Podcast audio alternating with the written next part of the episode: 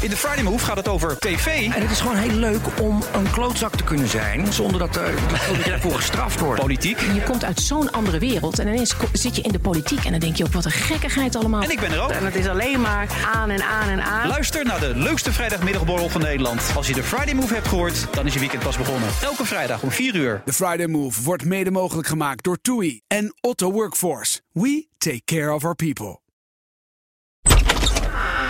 Ja, we, rommelen altijd een beetje de podcast in. Dus dat ik weet niet of je, of je ooit luistert. Maar we beginnen vaak een beetje met iets wat helemaal niet het onderwerp is. Eh, Cold, cold open. Eh, Ja. ja, nee, ik heb zelf ook een podcast, dus ik weet hoe het, hoe weet hoe het werkt. Maar wij zijn dus stadsgenoten. Hè? Eh, wij wonen allebei in Tilburg. Ja. Eh, de corona-hoofdstad van Nederland. Mogen we dat zo zeggen? Oh, God. Eh, nou ja, het ligt eraan hoe je dat wil meten. Maar eh, eh, als je kijkt naar het aantal besmettingen per inwoners, dan eh, volgens mij staat Bunschoten nog bovenaan. Maar Staphorst is hard op weg eh, om nummertje 1 te worden. Ja, precies. Want Tilburg was natuurlijk de eerste. Nou ja, Zeker. loon op zand feitelijk, maar hier lag de eerste patiënt. Dat was, een heel, dat was een heel circus. Ik ga het nooit meer vergeten, die avond, eh, Mark. Ja, nu moet je meteen vertellen hoe die avond was, denk ik. Oh, nou ja, ik was toen nog, toch, toen nog algemeen verslaggever voor BNR, dus niet politiek. En eh, ja, zat tv te kijken en ik verslikte me zowat in een borrelnootje toen Bruno Bruins zei dat briefje voorlas. En terwijl wij met Mustafa praten, meneer Bruins, krijgt u een briefje in uw handen geduwd. Ja, er wordt eh, mij bevestigd dat er een eh, patiënt is met het coronavirus in Nederland. Het zou gaan om een eh, man. Eh, die verblijft in, het, eh, in isolatie in het uh, Twee-Steden ziekenhuis in eh, Tilburg. Tilburg. Oké. En meer informatie heeft u op dit moment Meer heb ik niet? eh, op dit moment eh, eh, niet. Ja, ja dat, dat zijn twee ziekenhuizen, het- of het Elisabeth ziekenhuis of het Twee-Steden ziekenhuis. Ja. En die avond ben ik als een soort van roddelfotograaf van ziekenhuis naar ziekenhuis gaan rijden. eh, om te kijken waar, waar ligt die patiënt en om te kijken of we er iemand konden spreken. En dat kon niet, maar toen hadden we wel, ehm, dat vond ik, nou, ik denk misschien wel een van mijn grootste scoops als journalist die ik heb gehad in mijn carrière, was dat ik binnen, denk ik, zo'n drie kwartier de naam, leeftijd, woonplaats, adres eh, en waar dit had opgelopen van deze patiënt had eh, gevonden. Dat hebben, wij hebben de naam niet gepubliceerd, andere media later wel. Maar BNR was toen de eerste met dat het ging om een man van ergens in de 50, uit mijn hoofd 56. 53 uit zeg ik uit hoofd, 56 kan ook. Ja, loon op zand Zand. inderdaad. Ja, maar wij waren toen de eerste die dat hadden. Nou ja, ik weet niet of je daar nou heel trots op moest zijn, maar Maar jullie waren dus eigenlijk, eigenlijk de eerste bronnen contactonderzoekers van Nederland. Eigenlijk wel, ja. Want we hadden toen ook al ontdekt dat die man in Italië was geweest. En eh, we hadden toen diezelfde avond nog een artikel op bnr.nl... met dat die man carnaval had gevierd in Loon op Zand en in Tilburg. Ehm, en daar heb ik toen later nog wel eens een telefoontje over gekregen... van iemand van de gemeente Tilburg met... besef je wel wat jullie toen ons aangedaan hebben? Want half Tilburg ging toen in paniek eh, bellen met de GGD... en met de gemeente en met de politie. Want ik heb ook carnaval gevierd. Moet ik nu thuis blijven? Verstandige reactie. Ja, Kom, we gaan even officieel beginnen. Dan zeg ik dat dit Nieuwsroom Den Haag is van vrijdag 22 oktober. De stem van Thomas van Groningen hoorde je al. Je hoorde ook de stem van Marina van Zelst, die ik tot nu toe alleen van Twitter kende. Geen idee hoe die eruit zag, dat kan ik nu zien. Geen idee hoe die klonk, dat hoor ik nu ook. Eh, van het Red Team bekend. Twittert altijd cijfers over eh, coronabesmettingen. Is aan het promoveren op een onderzoek naar... Misschien kan je het beter zelf zeggen. ja. Organisatie Wetenschappen. Daar ben ik bijna mee klaar. En ondertussen ben ik al begonnen als infectieziektemodelleur eh, aan Wageningen eh, University. Heeft dat iets met elkaar te maken, eh, die, dat, die promotie en het onderzoek wat je nu doet? Of, eh, Ja, eh, deels. Eh, het is wel echt twee andere vakgebieden natuurlijk. Want de organisatiewetenschappen gaat eh, over hoe werken organisaties. En ehm, ik specialiseer me daarin in besluitvorming. Ehm, en om in de, in de coronacrisis te blijven, eigenlijk gaat mijn proefschrift over hoe stuur je op signaalwaardes. Ehm, hè, dus hoe, hoe gebruiken organisaties signaalwaardes om hun beleid bij te sturen. Ehm, nou ja, en door afgelopen jaren is de interesse in volksgezondheid en infectieziekten zo toegenomen dat ik dacht, ik wil meer eh, me bezig gaan houden met het organiseren van volksgezondheid. Nou ja, nu zit ik in Wageningen eh, als infectieziektemodelleur. ja, we gaan het zo uitgebreid hebben over corona, de aanpak daarvan. En vooral, het is natuurlijk een podcast over politiek, eh, over de politieke kanten daarvan. Maar laten we eerst even snel de week doornemen. Dat zal tijdens de reces niet een hele lange week geweest zijn, denk ik, voor jou, Thomas. Had je meestal vrij? Uh, ja, we, we, doen er alles wat rustiger aan. Dus we, normaal gesproken moeten wij als Haagse redactie van BNR iedere dag op de radio in de ochtend en in de middag. Dat hoeft dan in deze week niet. Maar maandag werd dat meteen bruut verstoord. Want er kwam een mailtje binnen s ochtends van het uh, BWK, het Bureau Woordvoering Kabinetsformatie, met om vijf uur een persconferentie. Nou, daar gaat je dag. De eerste vrije dag van de week. Ja, ja. Ik dacht, ah, nou, dus ik naar Den Haag toe. En ik had het meteen getwitterd van, nou ja, om vijf uur vanmiddag een persconferentie van Wouter Koolmees en Johan Remkes, de informateurs. Uh, ik wist natuurlijk niet wat ze gingen zeggen. Uh, geen Had je dan zin om naar Den Haag te gaan? Ja, tuurlijk. Want ik dacht, dit kan misschien wel eens leuk worden. Hè, als de twee informateurs onverwachts een persconferentie geven. Ja. Uh, want ik had het getwitterd en er waren meteen mensen heel enthousiast. Die zeiden, er is een doorbraak. We hebben een kabinet. Volgende week bordes. Nou, dat, dat, is natuurlijk helemaal niet aan de orde. Nee, niks. Um, want ik ging uh, bellen en toen hoorde ik al meteen, ja, het zijn procedurele mededelingen. Nou, die bleken het ook wel te zijn eh, die middag. Um, ja, waarbij het vooral ging om, nou ja, de kop is er af. Hè. We hebben alle grote onderwerpen een keer besproken. En nu is het tijd voor een verdiepende fase, zei uh, Wouter Koolmees. Ja. Um, en um, nou ja, het ziet er dus goed uit. Ze willen nog steeds geen datum noemen, de twee informateurs. Um, wat voor mij persoonlijk het interessantst was in dat hele verhaal, is dat ze toch iets hebben veranderd aan de opzet van hoe dit nieuwe kabinet tot stand komt. Mm -hmm. Waar ze namelijk eerst zeiden, uh, we maken een uh, een, een regeerakkoord op hoofdlijnen, een dun regeerakkoord, waarin dus het, het wat en waarom staat. Um, en dan gaan we daarna gaan we een soort zogeheten constitutioneel beraad in. Hè. Dan worden dus de, ja, hoe noem je de, de, de bewindspersonen uitgezocht. De ministers en de staatssecretarissen bij elkaar. En die gaan dan zeggen hoe. Precies, maar die zijn dan nog niet benoemd. En die gaan dan een regeerprogramma uh, schrijven. en als dat, dat presenteert aan de Kamer, de Kamer geeft daar een fiat op en dan worden ze benoemd en dan hebben we een nieuw kabinet. Um, toch hebben ze hier iets aan veranderd aan dit plan. Want nu wordt er dus een regeerakkoord op hoofdlijnen geschreven. Met dus het wat en waarom. En het hoe, um, dat wordt dus wel geschreven door het nieuwe kabinet. Maar dat wordt geschreven door bewindspersonen die al benoemd zijn. Dus de bedoeling is dat er straks een nieuw kabinet benoemd wordt. En dat die dan, in de ministerraad bijvoorbeeld, gaan uitwerken het hoe. En dat is toch wel een kleine verandering. Nee, dat is een fundamentele verandering. Dat, ja, de hoofd... dat haalt de invloed van de Kamer een beetje weg. Nou ja, dat is dus wat ze dus in Den Haag van zeggen van niet. Want dat, dat gevoel kreeg ik ook. Hè. Ik, ik vroeg dat ook aan Remkes. Van nou ja, is, dat kan misschien voor de Tweede Kamer voelen als tekenen bij het kruisje. Ja. Maar, en helemaal begrijpen doe ik het nog niet. Maar eigenlijk alle partijen, als je ze op de achtergrond spreekt, maar ook de informateurs, die zeiden het in de persconferentie. Die verwachten juist dat omdat dus die, die kabinetsleden meer moeten gaan shoppen eigenlijk voor steun voor hun plannen dat dat een breder debat op gang brengt en daardoor meer ruimte ontstaat voor discussie tussen kabinet en Kamer. Dat is hun verwachting in ieder geval. Wij moeten het allebei nog maar even zien, heb ik het gevoel. Ja, maar dat is met alles natuurlijk. Hè. De, de grote vraag is: uh, wordt het oude. Uh, nee, wordt het oude wijn in nieuwe zakken? Ja, dat ja? is hem. Ja, wordt dat, ja, dat zal toch wel? Goed in mijn hoofd hebben. Maar ja. dat, die vraag hangt natuurlijk al, al weken boven de markt in Den Haag. Is hoe vernieuwend wordt het kabinet nou? En dit is een van de trucken die ze uit de kast trekken om het allemaal heel anders en nieuw te laten lijken. Ja. Waar denk nou, voor veel mensen ook in zit, en dat bleek ook uit de persconferentie, is worden het echt nieuwe poppetjes. en daarvan zijn Remkes, ja, daar hebben we heel oriënterend over gesproken, maar nog niet op het niveau van um, welke bewindspersonen die nu in het kabinet zitten kunnen door in een volgend kabinet? Dat weten we dus nog steeds niet. Dus dat, ja, daar, dat zijn twee vragen die boven de markt hangen. En dit is een dingetje wat ze gebruiken om het uh, nieuw te laten aanvoelen, laat ik het zo zeggen. Oké. Okay. En verder gebeurde er uh, in het uh, toeslagenschandaal natuurlijk weer wat dingen. Hè? Er kwam een rapport van de Venetië-commissie. De ja. Europese Raad die naar Nederland heeft gekeken. Daar moeten we het niet uitgebreid hebben over nu Denk ik. Want je hebt er ook volgens mij ook helemaal geen verslag over gedaan. Nee, ik heb er geen. Ik heb het wel. Ik heb, niet, ik heb wel het rapport gelezen. En ik heb ja? ook de, de, de, tweets van Pieter Omtzigt met veel aandacht gelezen. Die natuurlijk daar bij betrokken is bij die Venetië-commissie. Uh, niet bij dit rapport trouwens. Voor nee, niet bij dit rapport. Ja. Ja. Um, ja, kijk. Wat jij daar eigenlijk leest, en dat is natuurlijk wel interessant, dat vanuit Europees opzicht, best knap trouwens, dat mensen die buiten Nederland even naar Nederland zijn komen kijken, ja. vrij snel tot dit soort conclusies Drie dagen hebben ze uh, mensen geïnterviewd, begreep ik. Ja, uh, een, maar dat, dat is op, een heel knap rapport geschreven. Op, op een rij hebben gezet wat er parlementair aan ons systeem eigenlijk niet deugt. Ja. Um, en dat, gaat alle kanten op. Maar dat is, dat is wel iets, denk ik, waar de Tweede Kamer iets mee moet. En we begrijpen ook van ons zich dat hij daar in ieder geval wel ook echt voorstellen gewoon concreet blijft doen. En in de hoop dat daar steun voor komt uh, in de Kamer om dat systeem dus aan te passen. Maar dat zal niet makkelijk zijn, want systeemverandering, nou ja, Marino die die, die, die weet er ook wel iets van. Dat is Ik niet wou net vragen. Heb jij dat ook meteen gelezen, het rapport?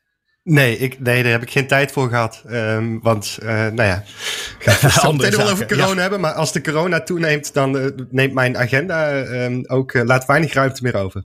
Ja. Oké. Nou, ik ga het echt iedereen aanraden om het te lezen. Het staat gewoon op de website van de Tweede Kamer. En eh, laat ik de collega's van Betrouwbare Bronnen eens even tippen deze week. Die kan je ook luisteren.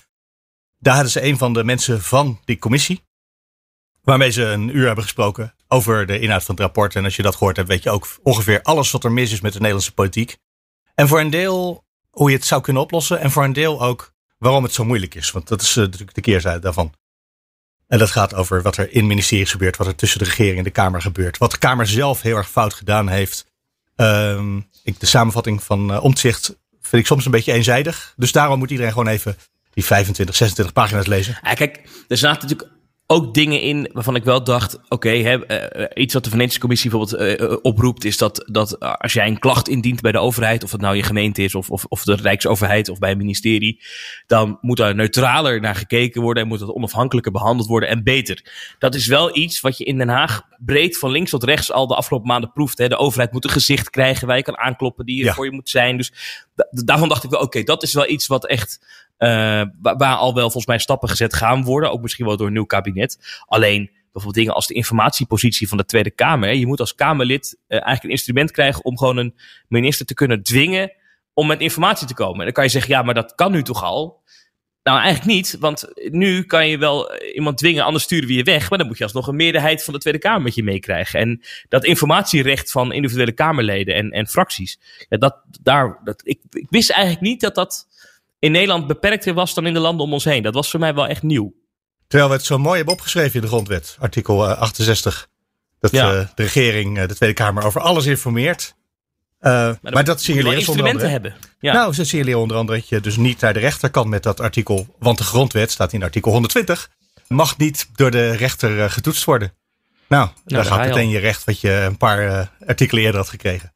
Enfin, dat is een nuttig rapport en een ja. Uh, voor deze keer raad ik gewoon iedereen een keer aan om naar uh, Jaap Jansen te luisteren. Uh, volgende week weer. En trouwens vandaag ook tot het einde luisteren daar, daar hier. Hè. En toen hadden we ineens Mark Rutte in Brussel over 1115 kinderen die uit huis geplaatst waren. Ja, het is wel een, ja. een heftige week wat dat betreft. Nou, zeker. Wat, en, het is nogal een groot cijfer. Wat, wat uh, toch ook wel, uh, als ik de mensen, de Kamerleden die dit dossier al langer volgen, uh, afgelopen week een beetje goed begreep, dan vonden ze het ook allemaal echt hoger en heftiger dan verwacht. 1115 kinderen van slachtoffers van toeslagenouders die uit huis geplaatst zijn. Daar is natuurlijk de nuance bij te maken dat we niet zeker weten of die uithuisplaatsingen niet hadden plaatsgevonden als deze mensen niet ook slachtoffer waren geworden in de toeslagenaffaire. Maar dan nog is het een uh, ho hoog getal. En uh, ja, ieder kind dat uit huis geplaatst is, wat niet nodig was geweest, is er één te veel, zou je kunnen zeggen. Nou, absoluut. Uh, en nou, je zag meteen veel woede in de Tweede Kamer. veel, veel vragen op social media. Ook veel slachtoffers van de toeslagenaffaire die meteen in de media gingen reageren. En wat toch opviel, is dat de reactie van het kabinet wel uitbleef. En uiteindelijk kwam er wel een brief. Ja, het kabinet stuurde pas na drie dagen een brief. Ja, op de 18e gingen de cijfers naar de regering. En op de, uh, gisteren, op de 21ste, kwam er een uh, nietszeggende brief van uh, Sander Dekker. Ja, jij noemt het niet zeggend. Nou ja, er staat heel veel woorden in. Er staat in ja. dat er een aanpak van, de, van de slachtoffers is. En eigenlijk, hij beschrijft gewoon de, waar mevrouw Van Huffelen mee bezig is. Um, ja, maar het, daar staat niks bij wat weer. nieuw is. Ja, nee, en, en dan wel één zinnetje met ja, verschrikkelijk. Maar ja, dat het verschrikkelijk is voor die kinderen, dat, dat, dat, dat kan iedereen wel in, invullen. En voor die ouders trouwens ook. Ja. Um, maar het was een vrij zakelijke, een koude brief. Niet echt een inhoudelijke reactie op het leed dat die mensen is aangedaan. Meer een inhoudelijke reactie op wat doen we als kabinet. Het was een ja, vrij zakelijk en ambtelijk briefje. Dus eh, de roep was vrij groot in Den Haag om een reactie vanuit het kabinet. En wat normaal gesproken gebeurt, en dat is uh, wel iets interessants om als journalist te zien, is dat uh, je oh, normaal gesproken reageert een een bewindspersoon op dit dossier als eerste. Dus bijvoorbeeld komt inderdaad een mevrouw van Huffelen komt dan naar buiten. Of een Sander Dekker zelf. Uh, die kom je ergens tegen. Of bij de inloop van de ministerraad. Of ergens anders. En die moeten dan reageren voor de camera. Waardoor zij de eerste zijn die namens het kabinet reageren. Het ding is, het is herfstvakantie in Den Haag. Mensen waren ook echt dood op de afgelopen tijd. Dus veel mensen waren ook echt weg en vrij. Trouwens ook van de pers. Meneer Rutte, wat gaat u nou precies over de rechtsstaat zeggen vandaag? Ja, dat er natuurlijk een zeer zorgelijke situatie is uh, ontstaan. Uh, omdat uh, Polen, waar het de onafhankelijkheid van de Poolse rechts betreft, tot nu toe weigert noodzakelijke aanpassingen weer te doen. Daardoor was eigenlijk Rutte, de premier gisteren op de Eurotop, de allereerste die voor een camera verscheen namens het kabinet om hierop te reageren. 1100 kinderen die uh, uit huis zijn geplaatst. Ik ben hier in Brussel. Ja, u bent hier in Brussel. Uh, daar hebben die 1100 kinderen uh, geen boodschap aan. Dus... En um, dat vond hij zichtbaar ongemakkelijk en moeilijk en hij had er ook echt geen zin in. Het is de eerste keer dat er een Nederlandse bewindspersoon op kan reageren. Dus wat dat betreft geef ik u de eer. Ik zal bij uitzondering iets zeggen over een binnenlandspolitieke aangelegenheid. Bij in geval van een Europese vergadering.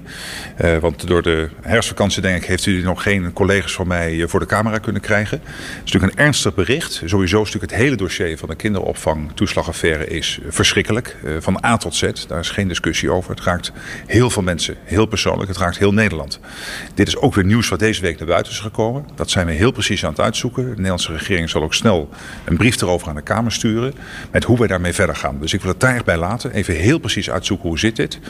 Uh, maar laten we heel eerlijk zijn. Het is sowieso een verschrikkelijk onderwerp. Wat heel veel mensen raakt. En dit is opnieuw een ernstig bericht. Wat we zeer ernstig moeten bekijken. Er is één ding wat ik meteen hierbij moet zeggen. Nee, er werd ogenblikkelijk gezegd: Mark Rutte is, een, uh, is arrogant. Die wil geen antwoord geven. En dat was de beleefde versie van. Want er waren ook op uh, de social media minder subtiele woorden. Ja. Rutte geeft nooit antwoord op vragen over iets waar die op dat ogenblik niet is. Dus als die bij een uh, fabriek is en je wilt hem iets vragen over het beleid van cultuur. Sorry, ik ben hier vandaag voor deze fabriek. als hij in een museum staat en je wilt een of ander schandaal bespreken. Sorry, ik ben vandaag bij dit museum. Dat probeerde hij hier ook. Dat is een ongelooflijk effectieve communicatiestrategie, denk ik altijd. Maar deze keer oogde het ongelooflijk lelijk vooral. Ja, en de, de truc van uh, Sander van Hoorn, uh, correspondent in Brussel van de NOS, die deed het heel goed. Want die, die pareerde dat meteen door te zeggen, ja, daar hebben die kinderen niks aan dat u nu in Brussel bent. Ja, dan sta je eigenlijk wel met je mond vol tanden natuurlijk als premier. Dus hij kwam daar ook terug met, met die opmerking, ja, voor deze ene keer zal ik in, in, in Brussel reageren op een binnenlandse aangelegenheid. Maar ja, wat je hier wel merkt is ook dat, dat daar de inhoudelijke reactie niet heel veel verder kwam. Hè. Toen hij uiteindelijk op inhoudelijk reageren kwam, ja, kwam het niet heel veel verder dan dat het echt verschrikkelijk is. Uh, en dat, dat uh, er een procedure is, namelijk dat we gaan uitzoeken hoe dit nou precies gegaan is en, en, en, hoe dit nou precies zit. En dat is wel een, een, een, een, ja, ik denk dat dat wel iets is wat veel pijn doet in Den Haag. Dat ze hier toch moeite hebben om op dit cijfer te reageren. Dat ze misschien ook wel zijn geschrokken van het, het hoge getal. Want in de Kamer zijn ze ieder geval flink geschrokken van dit hoge getal. Ik kan me voorstellen binnen het kabinet ook. Ja, ik had het gevoel dat uh, Rutte net niet helemaal, toch net niet helemaal is doorgedrongen bij hem. Uh, wat nou dat ongekende onrecht is en was voor de mensen in het land, om het maar zo te zeggen. Uh, dat hij, dat, omdat hij toch weer gewoon procedureel zijn. Nee, maar ik sta nu in Brussel. Dan kan ik natuurlijk niks gaan zeggen over ouders en kinderen. Ja. Terwijl dat zo heftig is dat zelfs zijn regering op dat domein missionair is gebleven. Terwijl het eigenlijk demissionair is. Je zou denken, ze hebben het bijna door. En hier merk je toch dat het bij hem persoonlijk niet is aangekomen. Ja, is dat uh, te hard oordeel? Weet ik niet. Ik, ik kan natuurlijk niet in zijn hoofd kijken, maar hij zal het komende week nog een keer gaan horen. Want met de formerende partijen uh, gaan ze uh, nog een gesprek hebben met slachtoffers, gedupeerden in de toeslagenaffaire. Dus dan ja. krijgt hij dat verhaal waarvan je zou denken dat ze het al zo vaak gehoord hebben en het inmiddels wel weten. Dat verhaal over wat die mensen is aangedaan, hoe erg dat is, wat voor gevolgen dat heeft, dat krijgen ze nog een keer te horen om die afwikkeling uh, beter te maken. En um, kijk, uh, toeslagenaffaire, dan hebben het, kijken we heel vaak naar de Belastingdienst. Uh, en ook naar de rechtspraak in de Tweede Kamer. Maar uh, ja, toch ook kijken naar jeugdzorg. Het is gedecentraliseerd. Nou verwacht ik niet dat de volgend kabinet dat vrij snel zal terugdraaien. Maar dat daar wellicht wat meer aandacht voor moet zijn in de volgende kabinetsformatie. Dat wellicht dat dit cijfer nu, en deze rel, dit, dat toch voor elkaar krijgt. Dat ze daar meer over gaan praten. Ja, de uh, brief van Sander Dekker, die minister voor Rechtsbescherming is, kwam trouwens van het Directoraat-Generaal Straffen en Beschermen. Wat ik ook een soort ironie vind hebben, omdat het nog over straffen en al helemaal niet over beschermen gaat. Ja, ja. ja dat zijn dat pijnlijke titels. Laten wij daar uh, Marina van Zelst gaan. En uh, dat andere, wat elke dag van het jaar nieuws is en daarom eigenlijk nooit. Maar we moeten het toch al eens over hebben, want het wordt steeds urgenter. Hè? Heb je zo wat cijfers uit het hoofd om ons te laten schrikken, Marina van Zelst? Um, nou, waar ik aan moest denken was uh, dat dit dus uh, 603e dag is van de coronapandemie in Nederland. Um, dus dat betekent dat we letterlijk 20 maanden um, nou ja, al in deze pandemie zitten. Dat, het, weet je, ik zeg zelf ook wel eens ja, anderhalf jaar. Maar dat voelt dan toch nog minder lang dan 600 dagen. Um, ja, en bedoel, we kunnen alle coronacijfers langslopen. Maar um, ja, dat kun je ook om kwart over drie uh, uh, bekijken, zeg maar. Op Twitter. Zeker.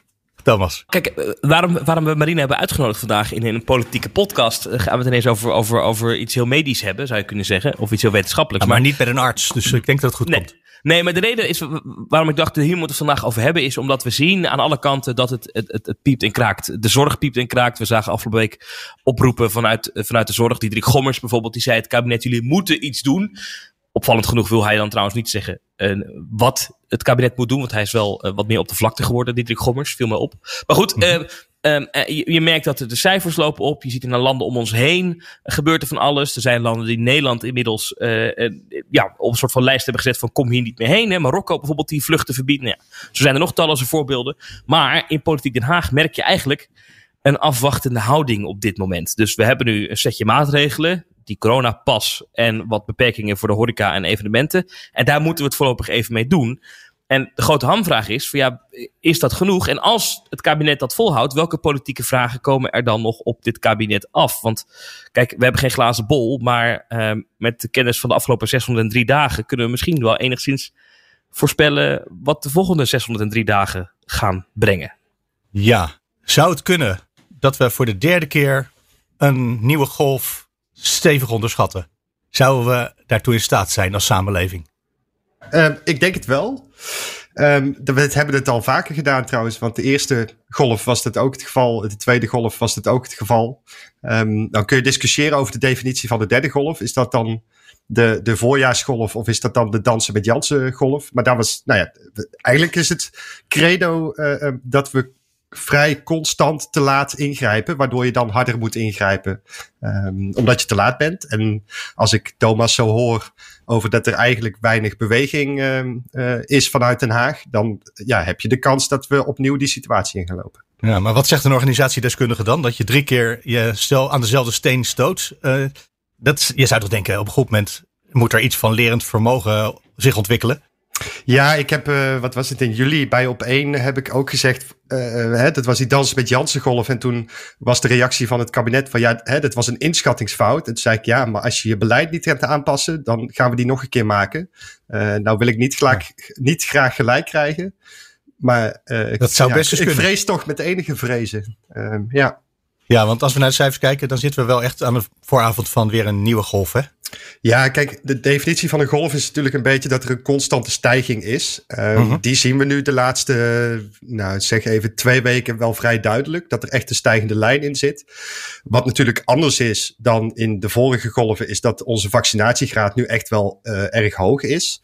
Um, waardoor je veel meer een dempend effect krijgt, zeker in die ernstige uitkomsten zoals ziekenhuisopnames. Hè. Dus vorig jaar hadden we nu waarschijnlijk al met minimaal twee keer zoveel opnames gezeten. Um, en dat zien we nu wel, dus dat is het voordeel. Uh, je ziet echt die remmende werking van, van vaccins. Um, maar ja, daarbuiten zie je wel alles gewoon oplopen. Besmettingen, opnames, ook de sterfgevallen. Um, ja, dus wat dat betreft is het ook wel weer een beetje hetzelfde. Maar do doordat we niet weten hoe ver die remmende werking natuurlijk gaat van die vaccins, is ook moeilijk te voorspellen. Stel dat we naar die 10, 15.000, 20.000 besmettingen per dag gaan, is ook niet te voorspellen wat dat dan zal doen met de druk op de zorg, toch? Nee, kijk, we proberen dat een beetje te vertalen natuurlijk. Um, en je probeert er ongeveer een inschatting van te maken. Um, maar dat is wel heel lastig, uh, ook ja. omdat de werking van die vaccins over tijd ook weer verandert. Um, hè, dus die worden uh, minder effectief in het beschermen tegen infecties. Daar komen we vast zo nog wel op terug. Maar dat maakt het allemaal lastiger om, om te vertalen van kunnen we ongeveer, nou ja, met precisie vaststellen wat we de komende weken op ons afkrijgen. Wat je wel met redelijke zekerheid kunt zeggen is dat het wel door gaat blijven stijgen. Um, als, je, als er niks gebeurt, zeg maar. Ja. ja, Mark van Rans die twitterde, ik ga maar weer eens een mondkapje opdoen in de supermarkt. Is dat, uh, doe jij dat ook? Ja, ik, uh, ik ben het niet pas uh, sinds vorige week weer gaan doen, maar ik heb hem altijd nog steeds gedragen. Ja, in drukke binnenruimtes zie je mij eigenlijk stevast met een mondneusmasker rondlopen. Um, dus ik heb alle nou ja, hygiënemaatregelen en basismaatregelen, die heb ik nooit afgeschaald. Nee. Gewoon anderhalve meter afstand houden, altijd nog steeds. Geen handen geven. Uh, ja, in principe wel. Ik bedoel, ik was twee weken geleden op een bruiloft. Ja, weet je, dan, dan is het allemaal wat lastiger. Dat was hè, met corona toegangsbewijs. Maar de weken na heb ik uh, twee sneltesten er doorheen uh, gedrukt. En stond ik vijf dagen later bij de GGD. Omdat ik één enig kuchje had. Ik denk, ja, ik ben toch op die bruiloft geweest. Hop, naar de, naar de teststraat. Dus ik ben in die week vier keer getest, denk ik. dat, hè, dat, is, dat is ook enige beroepsdeformatie, vermoed ik. Ja. Um, maar, maar, maar, het lijkt me ook heel eenzaam om uh, in de supermarkt als enige met een mondkapje op te lopen. Nee, het, het, het, wat wel leuk is, ik ben niet, al, niet altijd de enige. En als het dan die ene andere persoon is, dan heb je zo'n contact. Zo, heb je zo'n contact van, oh jij, jij bent ook nog uh, uh, op deze manier bezig met, met die crisis. En of dat dan ook iemand is die nou ja, in de viruswereld uh, werkt of niet, weet ik niet. Maar ja, af en toe is het twee buschauffeurs. Ja, ja, inderdaad. En je moet ook met een beetje trots rondlopen. Zo van, hè, ik bescherm jullie gezondheid. Daar, daar moet je een beetje trots op zijn, denk ik. Maar Mark, even, even terug naar, naar, naar, de politiek Den Haag. Hè? De, de afwachtende houding waar ik het net over had. Kijk, wat ze daar nu voor te schermen zeggen is hè, begin november nieuw weegmoment. Dan wachten we af wat het OMT zal adviseren. Um, en dan kijken we verder. Maar dan, dan vraag ik, oké, okay, maar dan kijken we verder. Welke kant gaat dat dan op? Moeten we er rekening mee houden dat je dan bijvoorbeeld uh, extra maatregelen neemt? Of uh, dat je misschien een uitbreiding ziet van de uh, de plekken waar je nu die coronapas, die QR-code moet laten zien. En wat ze dan eigenlijk zeggen is, nou ja, het instrument waar ze het eerst naar kijken is uitstellen van afschalen. Dus niet zozeer uh, een uitbreiding van het huidige maatregelenpakket, maar een aantal maatregelen die we nu hebben, uh, iets later afschalen dan misschien beloofd was. op dit moment zitten we nog met een, een sluitingstijdbeperking voor de horeca tot middernacht. En er is ook nog een capaciteitsbeperking van 75% voor, voor bijvoorbeeld horeca en evenementen. Nou, die laatste die wordt volgens mij nou, nooit gehandhaafd. Uh, want ik heb nog nooit ergens iemand zien tellen hoeveel mensen er binnen zijn in die discotheek. En ik zag beelden van het Amsterdam Dance Event met gewoon hele volle zalen. Van ik dacht, ja. die zijn niet voor een kwart leeg, dus daar klopt iets niet. Maar goed, uh, die, die regels, die zouden dan, eh, dat is eigenlijk een beetje de gedachte geweest, die zou je begin november dan los kunnen laten. En, en nu hinten ze erop dat dat, dat, dat, dat dan misschien in december wordt. Of, of misschien zelfs nog later. Alhoewel met oud en nieuw sluitingstijd om middernacht weer heel lastig is. Maar, maar dat, is, dat, dat, is eigenlijk het hele kader waar ze in Den Haag nu mee spelen. Je hoort eigenlijk niemand voor de schermen, dat moet ik eerlijk zeggen, uh, beweren dat, dat de huidige cijfers aanleiding bieden om misschien extra in te grijpen. Terwijl vanuit de zorg die vraag dus welkom. Maar wat is jullie advies nu uh, in, in deze situatie? Waar, waar, nou, waar Nederland nu in verkeert? Nou ja, wij hebben als Red Team nu collectief even geen advies. Dus ik, ik spreek wel, wel op mijn eigen uh, titel. Oké. Okay. Um, dus dat moet ik altijd even erbij vermelden hè, voor het net. Um, ja, heel goed. Ehm, ja, maar kijk, wat, wat ik op dit moment wel verstandig zou vinden, is als we die basismaatregelen gewoon eens even uh, goed onder de aandacht brengen. Um, hè, dus we hebben die basismaatregelen als testen bij klachten, thuisblijven uh, bij klachten, uh, handen wassen, ventilatie. Um, hè, om Mark van Ranst er nog maar eens bij te halen, hangen CO2-meter thuis of op het werk. Um, nou ja, dat soort dingen, die zijn we een beetje uit het oog verloren. terwijl het heet niet voor niets de basis, zeg maar. En ik zat uh, om het politiek te maken, um, is terug te zoeken in alle letterlijke teksten van de persconferenties. Want die kun je dan allemaal later teruglezen. Toen dacht ik, ik ga eens even nazoeken um, wanneer uh, de minister van Volksgezondheid voor het laatst heeft uitgelegd uh, waarom testen belangrijk is. Dan ben ik benieuwd of de politiek duiders zich dat nog even durven herinneren. Want Thomas is regelmatig bij die persco's, weet ik. Ik heb ze allemaal gezien, maar ik ga hier geen antwoord op geven. Ik denk dat het nog wel even geleden is, eh, denk ik, uh, als, je dit, als je het zo stelt. Ja, het, het staat natuurlijk op het schermpje voor zijn neus tegenwoordig. Hè? Dat is waar ze dan naar zullen verwijzen. Maar uh, ik, ik denk dat het wel even geleden is dan. Ja, kijk, het wordt elke keer benoemd door de premier. maar, maar het waarom, hè, dus waarom is het belangrijk om dit te doen? Ik kan me herinneren, Hugo de Jonge was in maart het allerlaatste. Dus in de persconferentie van maart 2021 was de laatste keer dat hij uitlegt waarom het zo belangrijk is om naar die teststraat te gaan. En dat je zegt, ga testen mensen, ja, dat weten we na anderhalf jaar wel. Maar waarom? Dat zijn we denk ik uit het oog verloren. En dat is wel echt de crux. Uh, Zouden mensen dat niet weten moment. inmiddels? Waarom? Nou ja, ik vraag me dat oprecht af. Want ik hoor gewoon heel veel mensen uh, die, die aan mij vragen: maar je bent gevaccineerd en dan ga je nog twee keer naar de GGD-teststraat lopen. Dat is toch ook raar? Eh, vorige week bijvoorbeeld. Ja. ja. dan moet ik dus uitleggen, ja, maar ik kan nog steeds besmet raken. Ik bedoel, kans is kleiner, maar het kan wel. En daarmee bijdragen aan de verspreiding. Ook al heb ik er zelf dan minder last van. En oh ja, oh ja, ja, dat is eigenlijk wel waar, weet je wel. Dus ik spreek gewoon heel veel mensen om me heen die wel gevaccineerd zijn. En die ik dus nu weer aan het uitleggen ben waarom ze nog steeds naar die teststraat moeten gaan. Um, en dat zijn welwillende mensen uh, over het algemeen. Uh, in mijn kring. Dat voordeel heb ik dan. Um, ja, dus, nou, je komt dus, op Twitter, daar zou je er ook wel mensen tegenkomen die niet zo welwillend zijn. De, de, de variatie is groot. Laat ik het even zo voorzichtig formuleren. Ja. Oké, okay, maar dan dus die, die basismaatregelen, daarvan zeg je nou, dat, dat is heel belangrijk dat ze daar dus toch weer wat meer aandacht aan, aan, aan besteden. Ja, okay, ja dat, dat, dat, dat, op zichzelf is toch niet, want die hebben we al, al 603 dagen, die basismaatregelen. Is dat dan op zichzelf al genoeg? Nou ja, kijk, dat, dat is een beetje de vraag. Wat mij ook wel verstandig lijkt, bijvoorbeeld, is mondneusmaskers weer uh, terug invoeren. Dus het dragen van mondneusmaskers in binnenruimtes, het thuiswerkadvies gewoon aanscherpen tot um, uh, niet een beetje kijken wat er kan, maar gewoon thuiswerken is de basis alleen als je naar het werk moet. Nou, dat zijn vrij uh, lichte interventies die je nog kunt doen. Um, wat je ook nog zou kunnen doen, denk ik, uh, wat vrij licht is, is het quarantaineadvies aanpassen. Dus nu als uh, mijn huisgenoot besmet raakt, um, dan hoef ik niet meer in quarantaine, want ik ben al gevaccineerd. Nou, dat zijn dingen die, die je terug zou kunnen draaien, omdat we wel zien in de literatuur um, dat de bescherming tegen infectie afneemt over tijd. Dus het duurt een maand of vier tot zes. En dan zien we gewoon dat die effectiviteit van 80, 90 procent daalt naar 50, 60 procent. Ja, daar, daarmee worden dus ook mensen die al uh, een bepaalde mate van bescherming hebben, uh, weer een iets groter risico, zeg ik maar even. Ja, en dan kun je dat soort adviezen weer terugdraaien. Dat lijkt me wel verstandig. In ieder geval om dat zo snel mogelijk te doen. Hoe krijg je nou een team ministers, wat zich in het afgelopen jaar steeds meer is gaan keren richting alles moet weer open, we willen weer terug naar het oude normaal, dat moet een nieuwe normaal worden. Hoe krijg je nou zo'n groep zover dat ze uh, besluiten, misschien moeten we toch terug in plaats van vooruit. Ja, dat is lastig, uh, denk ik. Uh, we, horen natuurlijk altijd de, geestes uit de fles en, en dat soort dingen. ik denk dat je die wel terug kunt krijgen, maar, maar um, uh, als je ineens terugkomt en dan uh, begin november en je, en je zegt: Sorry mensen, het was een foutje voor de, nou ja, x-te keer. Ja. Um, maar dus hier zijn allerlei repressieve maatregelen. Uh, ja, dan wordt het een beetje ongeloofwaardig, vermoed ik. Um, dus vandaar dat ik ook denk dat het verstandig is als we gewoon zo snel mogelijk al communicatie krijgen vanuit het kabinet van luister mensen. Uh, um, ja, Gaat niet per se goed. Het is, nou, dat vind ik zacht. Uh, er is een probleem en er moet actie in de tent komen van iedereen um, om, het, om het tijd te keren. Uh, dat lijkt me een verstandig begin. Ja, en tegelijkertijd um, is natuurlijk het signaal wel regelmatig geweest vanuit Den Haag, zeker de laatste persconferentie, van ja, het is wel een beetje voorbij, um, die crisis. Uh, hier heb je nog een coronapas om het enigszins gedempt de winter door te laten komen. Um, en dan moet het wel goed komen. Ja, ik denk dat dat een onderschatting is geweest. En dat betekent deels dat je moet een soort uithuilen en opnieuw beginnen. Uh, ja, maar eigenlijk betekent... beschrijf je nu hoe de regering de bevolking misschien weer mee zou kunnen krijgen.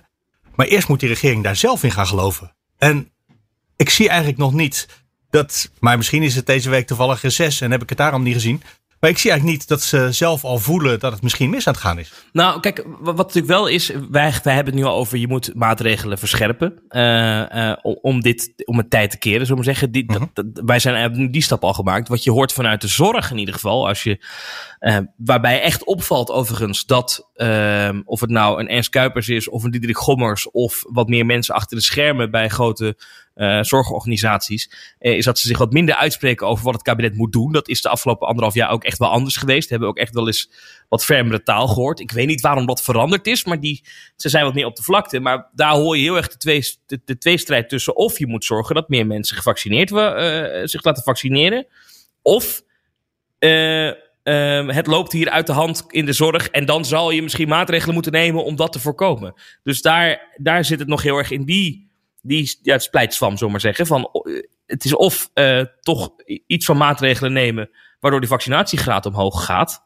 Of uh, maatregelen nemen om dat virus te, te, ja, te beperken, af te remmen, wat dan ook. En volgens mij is, is dat in Den Haag nog steeds op de achtergrond de strijd. Ja, want die is heel moeilijk natuurlijk. Want het kabinet heeft gezegd: we doen niet aan vaccinatie dwang of drang. Het wordt niet verplicht. Daar is Hugo de Jonge ook vrij duidelijk over geweest. Toen kwam toch die coronapas wat door een deel van de samenleving wel werd gezien als drang.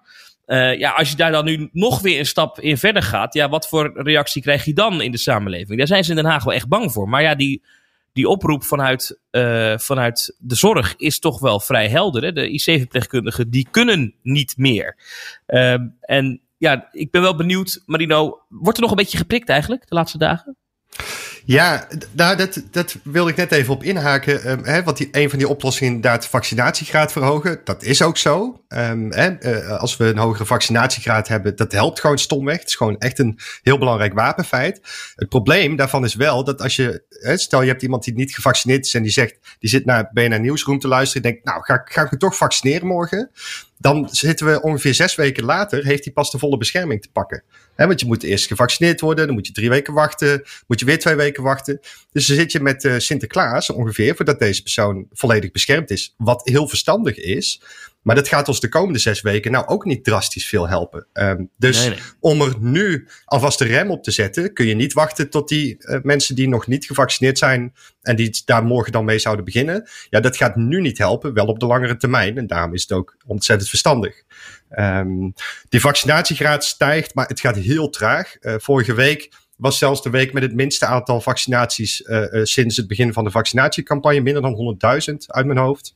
Um, dus dat wil ook niet echt omhoog. Maar ja, dat is ook logisch, want we zitten ook al best wel hoog. Dus je moet heel um, gericht interventies plegen um, hè, bij groepen waar we gewoon weten, daar is een lagere vaccinatiegraad, om die te verhogen. Ja, daar zit niet de grote winst. Het is wel super belangrijk, um, maar dat gaat niet morgen alle rem op de epidemie drukken. Nee. Dat, hoe, hoe hoog zitten we nu?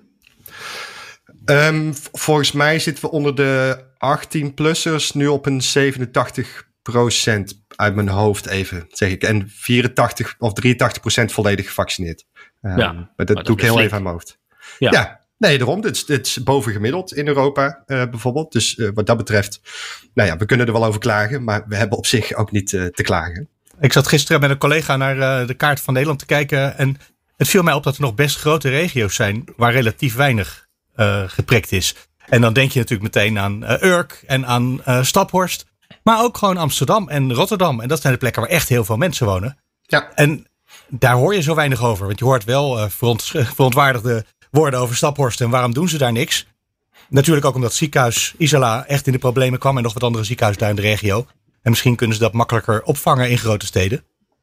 Maar ja, ik woon in zo'n wijk waar volgens mij de vaccinatiegraad heel laag is. Ik zie hier geen borden hangen met uh, ben je al geprikt of uh, kom je hier vandaag even halen. Dus die, die gerichte campagne, dat gebeurt niet hè, op het ogenblik. Wel aangekondigd in de Kamer, maar gebeurt niet echt. Ja, de, de GGD werkt hard. La, laat dat even uh, voorop staan. Um, maar uh, de aandacht ligt inderdaad landelijk een beetje inderdaad van... ja, in Urk dit en in Staphorst zo. En dat, bedoel, dat is ook belangrijk dat daar de vaccinatiegraad verhoogd wordt. Maar Urk en Staphorst hebben 20.000 inwoners. Dat bedoel ik. om en nabij. Dus dat, daar, de grote winst ga je daar niet per se halen. Um, en die zit juist in de grote steden. Um, want we weten dat de vaccinatiebereidheid um, nou ja, in, allerlei, in bepaalde groepen gewoon lager is. Uh, hè, mensen met een uh, migratieachtergrond, omdat ze vaak taalbarrières hebben bijvoorbeeld. nou, dan heb je inderdaad de, de mensen vanuit levensbeschouwelijke overtuiging. Um, en dat is echt in de breedste zin van het woord. Um, dan heb je de, uh, nou ja, de platte term was de, de yoga-moeders, om het maar even zo te noemen. Oh, ja. hè, dus de meer antroposofische uh, uh, inslag. Ja, en die wonen ook vaak in de grote steden. Dus in de grote steden heb je gewoon meerdere groepen. Um, waar de vaccinatiebereidheid om allerlei nou ja, redenen wat lager is. En daar zit wel ook een probleem. dus die, die focus alleen op Staphorst, ja, ik vind het een beetje beperkt. Ja, maar en ik moet trouwens even, voor een correct beeld, hier in de wijk heeft wel een tijdje zo'n prikbus gestaan. Ah. Uh, maar dat is wel twee maanden, drie maanden geleden of zo geweest dat hij er een paar dagen stond en inmiddels weer weg is. Ik kan me ook voorstellen dat mensen hier naar luisteren en denken: ja, maar weet je, uh, oké, okay, we hebben nu veel besmettingen. Uh, het aantal ziekenhuisopnamen en IC-opnamen, dat stijgt ook langzaam door. Uh, ja, dan, uh, maar het zijn niet die enorme aantallen zoals we hebben gezien aan het begin van de crisis. Het is altijd nog minder dan aan het begin toen. Dat hebben we ook gered. Ja, we, we kunnen toch niet weer allemaal van die maatregelen nemen. Laat het maar gewoon lekker ontstaan. En dan, het zal nooit zo erg worden als dat het was, want 87% is gevaccineerd. Daar hebben we toch voor gedaan. Ja, dit is nou eenmaal waar de zorg rekening mee moet houden. Dat, dat kan je ook denken. Of, of zit je er dan naast als je dat denkt? Nee, ik bedoel, dat kun je denken. Um, maar dan moet je wel instaan voor de consequenties daarvan. En uh, uh, een van die consequenties is dat we uh, dan eventueel, bedoel, niemand heeft de glazen bol. Het OMT en het RIVM niet, ik ook niet. Um, maar dan is eventueel een gevolg dat we dus weer reguliere zorg moeten afschalen. Dat zie je nu in een paar ziekenhuizen al gebeuren, die operaties af gaan bellen. Um, dat betekent ook dat we de inhaalzorg van het afgelopen jaar ook weer uit moeten gaan stellen. Er zijn mensen uh, die echt al anderhalf jaar wachten op een operatie, bijvoorbeeld. Um, ja, die operaties doen we met een reden. Um, dus om die weer uit te stellen, dat is vervelend. Dus het heeft echt wel gevolgen en het kan uh, om het individuele te maken, ook gewoon echt wel gevolgen hebben voor jou of je familie, die ineens zorg nodig hebben. Uh, hartoperatie, noem het dan maar op. Ja, en dan wordt die weer uitgesteld, omdat het ziekenhuis gewoon um, erg vol ligt. Um, ja, en dat, ik vind dat persoonlijk uh, erg onwenselijk. Maar ik heb natuurlijk ook een volksgezondheidsbril. Uh, dus dat levert enige bias op, zou ik zeggen. Um, en let wel, als het in het ziekenhuis al vol loopt, dat betekent dat er een hele keten aan ziektelast daarvoor zit. Hè? Dus we hebben het natuurlijk altijd over de IC. Um, en dan gaat het over de IC-verpleegkundigen, daar hebben we er niet genoeg van. Um, maar mensen die op de IC belanden, zijn al door de kliniek geweest. Die zijn al bij de huisarts geweest. Die zijn bij de spoedeisende hulp geweest. Die zijn misschien bij de GGD geweest. Dus er zit een hele berg aan ziektelast onder uiteindelijk die IC-bedden. Um, en daar hebben we het hier nooit zo vaak over. Want het, hè, de IC hebben een soort beeld bij nu. Sinds die Italiaanse beelden uh, van vorig jaar. Maar dat hele stuk daarvoor, um, ja, dat loopt dan ook helemaal vast. En dat begint zelfs al voordat het op de IC vastloopt. Um, en dat is denk ik wat we met z'n allen een beetje vergeten zijn na twintig maanden. Wat voor enorme ziektelast het oplevert. Uh, ja, en dat die druk um, na anderhalf jaar zweten uh, in uh, volledige beschermingsmiddelen ja, echt niet meer te doen is op dit moment. Um, ja, dat hoor je de verpleegkundige op dit moment wel zeggen. Ik vind het sowieso fascinerend dat we nog steeds sturen op het aantal IC-bedden. Zoiets van, hoeveel mensen kunnen we op de IC alsjeblieft opvangen? Nou, zoveel willen we er hebben.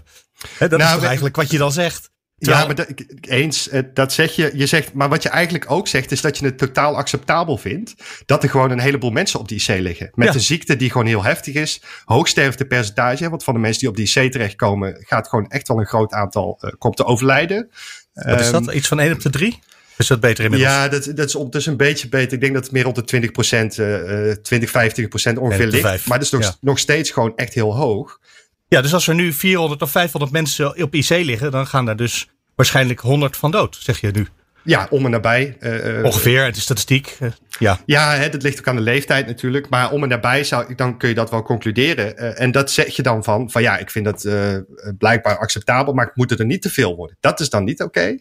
Okay. Um, dus dit is een bepaald perspectief. Je, je kunt inderdaad ook zeggen van, nou ja, ik vind dit manageable in de zorg, ja. dus vind ik het acceptabel. Um, daar kun je verschillend naar kijken natuurlijk.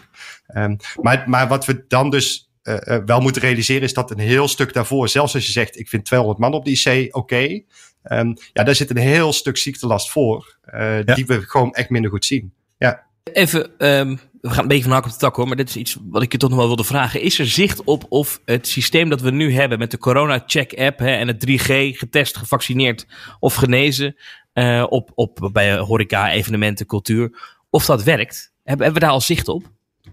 Nee, kijk, wat, wat we Field Lab van tevoren heeft gedaan, want, want dat is, natuurlijk de experimenten geweest waarbij we kijken van, nou, kunnen we dit soort evenementen doorgang laten vinden als we van tevoren enige check inbouwen uh, of mensen besmettelijk zijn. Die heeft drie varianten doorgerekend. Je hebt het, uh, het 3G-model, um, hè, dus dat is getest, gevaccineerd of genezen, wat wij dus hanteren. Um, ja. Je hebt het 2G-model. Je moet oppassen, want anders zeg ik straks 5G en dat levert wel allerlei. Uh, nee, voor je weet heb je een chip in je arm. ja, precies. Uh, dus, maar ja, het, het, is het jargon, dus ik gebruik mij. Dan heb je ja. het 2G-model, dus dat is alleen gevaccineerd of genezen. Negatieve test is niet meer genoeg. Um, dat gebruiken ze in sommige Duitse deelstaten voor de nachthoreca bijvoorbeeld. En dan heb je het, ik noem het maar even het 1G-model. En dat is iedereen testen, ongeacht of je gevaccineerd bent of uh, een besmetting hebt doormaakt. Um, nou, en Field Lab heeft doorgerekend in, in hun modellen um, dat het uh, 1G-model uh, levert het Dus alle, iedereen testen, ongeacht gevaccineerd, levert het minste aantal besmettingen op. Dat is logisch, want dan heb je en een bulk mensen die gevaccineerd ja. is. En je test ook nog iedereen. Dus dat is eigenlijk het verstandigst. Um, maar ja, dat levert wel een logistieke operatie uh, op natuurlijk. Nou, het 2G-model levert wel het meeste besmetting op, uh, maar het minste ziektelast. Want dan is iedereen heeft bescherming tegen het virus. Dus minste opnames natuurlijk. Um, en het 3G-model wat wij hanteren, levert grappig genoeg volgens Field Lab het meeste besmetting op en het meeste ziektelast. Dus het meeste opnames uh, ten gevolge van zo'n evenement. Maar Um, dat is natuurlijk, uh, om even de andere kant van de afweging neer te zetten, maatschappelijk gezien misschien acceptabeler. Want 2G, dat is gewoon, uh, bedoel, hè, de corona-toegangsbewijs kun je klassificeren als vaccinatiedrang als je het advies van de gezondheidsraad ernaast legt. Mm -hmm. um, hè, dus niet mijn eigen uitspraak, maar zelfs de gezondheidsraad zou het klassificeren als drang. 2G, daar kun je vrij kort over zijn. Dat is vaccinatiedrang. Dat is ja. um, en 1G is natuurlijk een soort, um, ja, gefeliciteerd dat je gevaccineerd bent, supergoed, maar je moet nog steeds testen. Um, en daar heeft minister De Jonge eerder van gezegd van ja, maar we moeten wel ook een beetje een soort beloning zetten op dat vaccineren. Want waarom ga je dan uh, vaccineren en dan moet je nog ja, steeds ja, getest worden? Ja, waarom zou je vaccineren? Dat is toch gewoon omdat je niet ziek wil worden?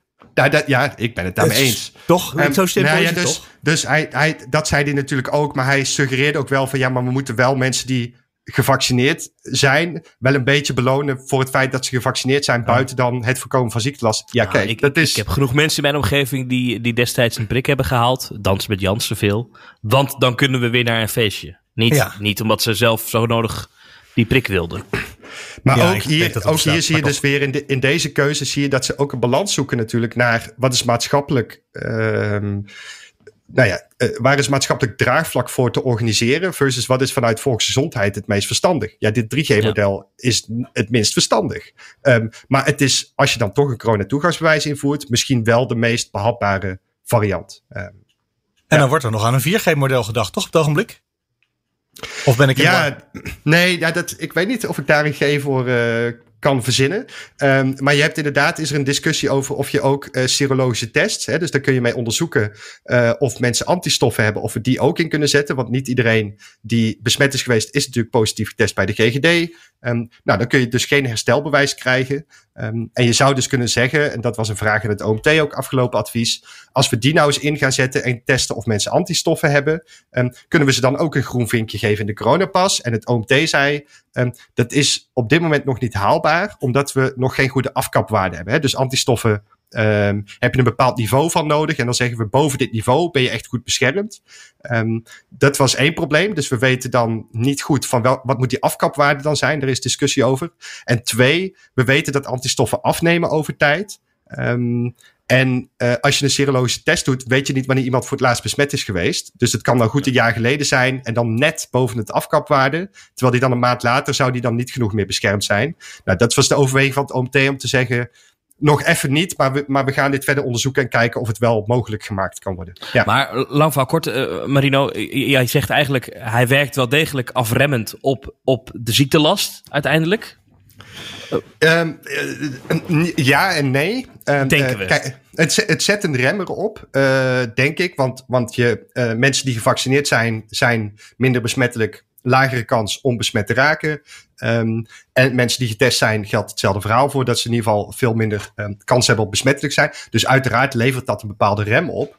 De vraag is alleen, we gaan er nu een soort van uit van als je gevaccineerd bent en je wordt niet getest, dan is het eigenlijk ook oké. Uh, de claim is zelfs eerder nog geweest, dat is zelfs beter. Dus dubbel gevaccineerd versus alleen negatief getest. Maar we zien wel dat die bescherming tegen infectie gewoon echt afneemt over tijd. Dat was ook de verwachting. En dan komt er op een gegeven moment een punt dat je zegt van ja, dan is alleen gevaccineerd zijn tien maanden geleden. Um, ja, dan heb, gaat je kans op een gegeven moment gewoon wel echt omhoog dat je weer besmet raakt en dat je misschien besmettelijk bent. Dus je loopt ook wel een risicootje. Um, ja. En dat is een beetje, dat is niet duidelijk, want um, uh, we zijn pas echt net begonnen met die coronapassen, ook in andere landen. Um, dus het zal wel even duren voordat we precies weten hoe goed het werkt en vooral hoe goed het blijft werken. Ja, maar dat het nu een rem drukt, zeker. Ja. Maar dan kan het dus zijn dat er misschien een einddatum komt of zo. Of dat je de, her, de, de boosterprik moet gaan halen bijvoorbeeld. Maar het, het punt in ieder geval is dat uh, hij is ons een beetje verkocht als de coronapas. Als dit is de manier om de samenleving te heropenen. Dit is eigenlijk het instrument waarmee we het gaan redden. En als ik jouw verhaal van de afgelopen 50 minuten even, even vertaal, dan zeg je eigenlijk, hij werkt een beetje. Het is een heel handig instrument, maar het is niet genoeg om die huidige opmars van het coronavirus de kop in te drukken. Nou ja, één dat, één, dat zien we vrij letterlijk. Ehm, Ja. En twee, het kabinet had natuurlijk ook wel aangegeven... als we gaan versoepelen, dan levert dat meer besmettingen... en mogelijk meer opnames op. Dus dat gaven ze ook wel aan. Met deze versoepelingen neemt het toe. Maar de vraag was vooral hoeveel. En ehm, als we dan kijken naar die eh, modellen bijvoorbeeld van het OMT... ehm, dat zijn geen weersverwachtingen slash voorspellingen... maar dat zijn een soort inschattingen van... Hè, als je dit beleid voert, kun je ongeveer dit aan uitkomsten verwachten. Nou, we zitten nu aan de bovenkant van de marges. Ehm, hè, dus, dus als je een schatting maakt van wat zou er ongeveer uit kunnen komen... zitten we echt aan de bovenkant van de marge ten aanzien van ziekenhuisbezetting. Ehm dus ook logisch, want het OMT eh, rekent hun eigen advies door. Hè, dus de OMT zegt dit is verstandig en dan zijn dit de uitkomsten of, of de verwachtingen. Ehm, en het kabinet ging afgelopen persconferentie natuurlijk nog een stuk verder dan het OMT-advies ehm, beschreef. Ah, dus ja. dat je aan de bovenkant van de marge uitkomt, is ook niet raar. Ehm, dus op zich is het allemaal redelijk voorspelbaar wat er gebeurt. Ook het kabinet zat wel van, ja, het gaat wel stijgen.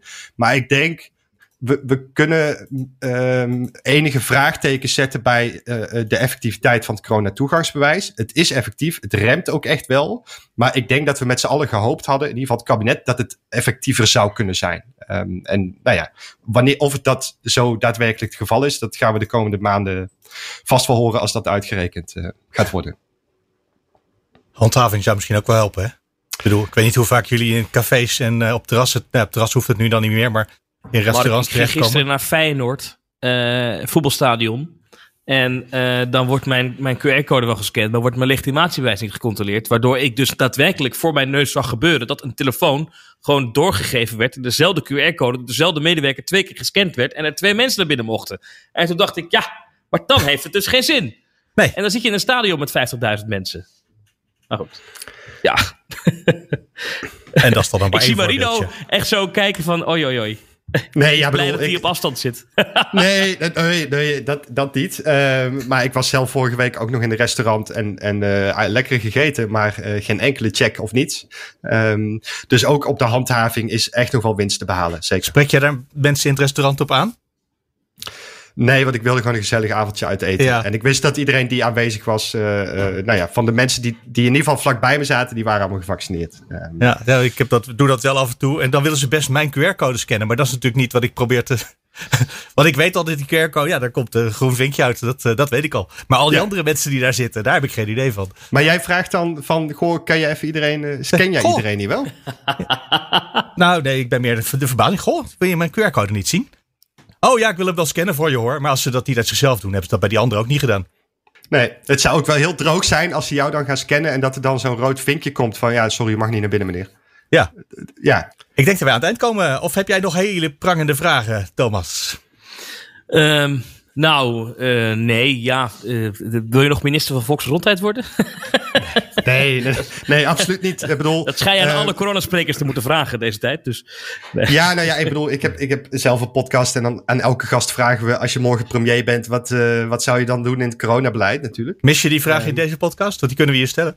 Nee, nee, nee, want, want mijn antwoord is, ik ben heel blij dat ik wetenschapper ben en eh, eh, geen beleidsmaker. Niet ehm, om, om ehm, het is, een, het is een taaie baan. Ik bedoel, die afwegingen zijn gewoon extreem complex. Eh, Er is nooit iemand tevreden. eh, en achteraf eh, had je het altijd beter moeten doen. En staan de, nou ja, net zoals ik, beste stuurlaar op wal te roepen van ja, hè, dat had je ook anders moeten doen. Want dat heb ik ook geroepen. Ehm, dus ik benijd eh, eh, de bewindspersonen zeker niet. Ehm, dus minister van Volksgezondheid, nee, dat, dat zie ik nog even niet. Gewoon wetenschapper en, en adviseur, eh, dat, dat ehm, eh, bevalt me prima. Ja. Nou, het wordt in ieder geval, Mark, het wordt de komende weken politiek gezien. Ik denk op dit onderwerp zal het nog rustig blijven tot begin november. Hè. Dan komt dat nieuwe weegmoment, dan komt er een OMT-advies. En dan komt er weer een persconferentie en dan een coronadebat. En GroenLinks had gevraagd, kunnen we dat in een andere volgorde doen? Kunnen wij als Kamer eerst het OMT-advies krijgen? Kunnen we dan als Kamer daar eerst over debatteren en dan pas de persconferentie? Dat is er niet doorgekomen. Dus eh, het wordt gewoon een, ehm, een, in de oude volgorde gaan we eh, eerst het OMT-advies krijgen, maar dat is dan achter de schermen. Dan gaat daar wat van lekken. Daar gaan wij dan allemaal dingen over roepen in de media. Eh, en dan komt er een persconferentie en dan een coronadebat. Maar dat wordt ook niet één of twee weken nog naar voren geschoven. Nee, dat- blijft begin november. Voor zover we nu. voor- voor- eh, De laatste berichten daarvan in ieder geval zijn dat het gewoon begin november blijft. Omdat je dan ook pas echt kan zien wat die Marino, verbeter me als ik het zeg, als ik het verkeerd zeg, maar dat je dan pas echt kan zien ehm, of, of wat het effect is geweest van de versoepelingen. Nou, meestal weten we dat na een week of drie wel. Um, zeg maar. Dus dan na een week of drie kunnen we het wel inschatten. Dus de reden. Uh, ik weet niet precies waarom ze het niet naar voren zouden halen. Maar gegeven de huidige stijging, denk ik dat we over twee weken een persconferentie hebben met een soort. Het gaat niet zo goed, mensen. Uh, ja, dat zien we nu al. En ik zie niet in waarom dat ineens in elkaar zou klappen. Het is jammer dat we hier weer moeten staan. Iets in die richting krijgen we. Ja, dat, ja en. en uh, Vinden wij ook. Het, het, was een inschattingsfout. Niemand zag het aankomen. Wat hebben we nog meer voor jargon? Het is klaar met ons. Ja, die ook nog. Um, en het, als, zelfs als je uh, denkt dat het sneller gaat dan je denkt, gaat het toch nog steeds sneller dan je denkt. nog steeds de meest legendarische uitspraak van minister De Jonge. Ja. Ja. Prachtige laatste woorden voor deze podcast. Marina van Zelst, dankjewel dat je een uur met ons hebt gesproken. En dank ook Thomas van Groningen. Ik ben Mark Beekhuis. Volgende week is er weer een nieuwsroom Den Haag. Dus heel graag. Tot dan. Tot volgende week.